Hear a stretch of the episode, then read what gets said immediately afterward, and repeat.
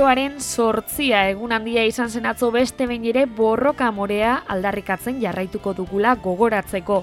Herri eta hiri guztietan egin ziren mobilizazioak eta ustez astelen ohiko bat izateko arriskua zuen emezortzi honek pandemiaren gainetik ere bizitza feminismotik eraikitzeko indarra dugula erakutsi zuen. Data esanguratsu bezain berezia, mendeetan zehar isilpean izan diren emakume iraultzaien izen eta abizen asko irten ziren atzo, kartel, komunikabide, sare sozial eta bestelako ekitaldi kulturaletan. Bilbon esaterako emakume horietako bat izan zen Eulalia abaitua. Mila sortzireun da berrogeita mairugarren urtean familia burgez batean jaiotako emakume bilbotarronek, 2000 eta boston argazki atera zituen, eta denetan emakumeak ziren protagonistak. Datu bitxia benetan garai honetako argazkien beste ondarerik ez egoteaz gain, argazki horietan emakumeak agertzen direlako era guztietako lanak egiten. Josten, esnea saltzen edo tarropa garbitzen.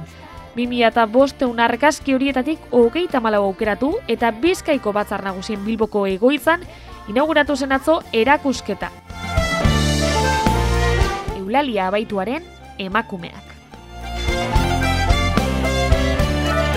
Sardinerak kontxita elorrion, mainariako atxoa edota emakume hijitoak santutxun dira argazkietako izenburutako batzuk. San bezala emakumeak dira argazkietako protagonistak eta 2008 bat garren urtera arte ekarri dute ondarea, erakusketa eta katalogo forman bilduta.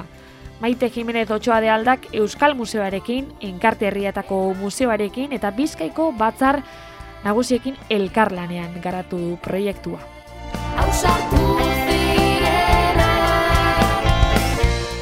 Eulalia abaitua jende salazar emakume handia izan zen, eta garaiko diskriminazioaren gandik iesi kalera irten, eta gehien gustatzen zitzaionari heldu zion, argazkilaritzari.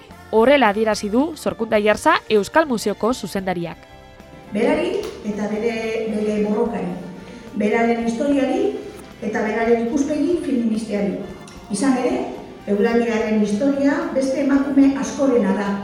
Erakusketa hau haien guztion omenezkoa izan dadila. Martxoaren sortzian inauguratu eta apirilaren hogeita zazpira arte izango da ikusgai Eulalia abaituaren emakumeak erakusketa, goizeko sortziretatik iluntzeko sortziretara. Gero abeianerako enkarterrietako museora eramango dute eta horri izango da urtea amaitu arte. Baina dena ez da Eulalia baituarekin amaitzen. Emakume lanari bizibilitatea emateko Bilboko museoak gogor egin baitu lan. Baina era berean, gaurko egunak balio behar digu gogoan hartzeko historian zehar bigarren mailara alboratuak izan diren emakumeak. Emakumeak izatea putzagaitik. Zeregin hori, emakumeek hainbeste urtetan egindako alegina eta lan ezin garrantzitsuagoa ikusgai bihurtzeko zeregina guztizaintzat hartzen dugu Euskal Museoan. Eta ez diskurtsoan bakarrik, baita egiten ditugun ekintzetan. Hoien adibide bat, hogeta hamar emakume ahaztezin erakusketa da. Orain dela hilabete gitxi, gozatu genuena eta emakundearekiko elkarlanetik sortu zana. Elena Giorgia, artistaren akuarelak ziren, zenbat euskal emakumez mintzatzen zirenak. Esate baterako, e, Maurizia Alditurriagaz, Julene Azpeitiaz eta oroar bertsolaritzan, idazmenean eta beste disiplina batzutan nabalmendu ziren eta beren garaian ikusi izan ziren emakumez.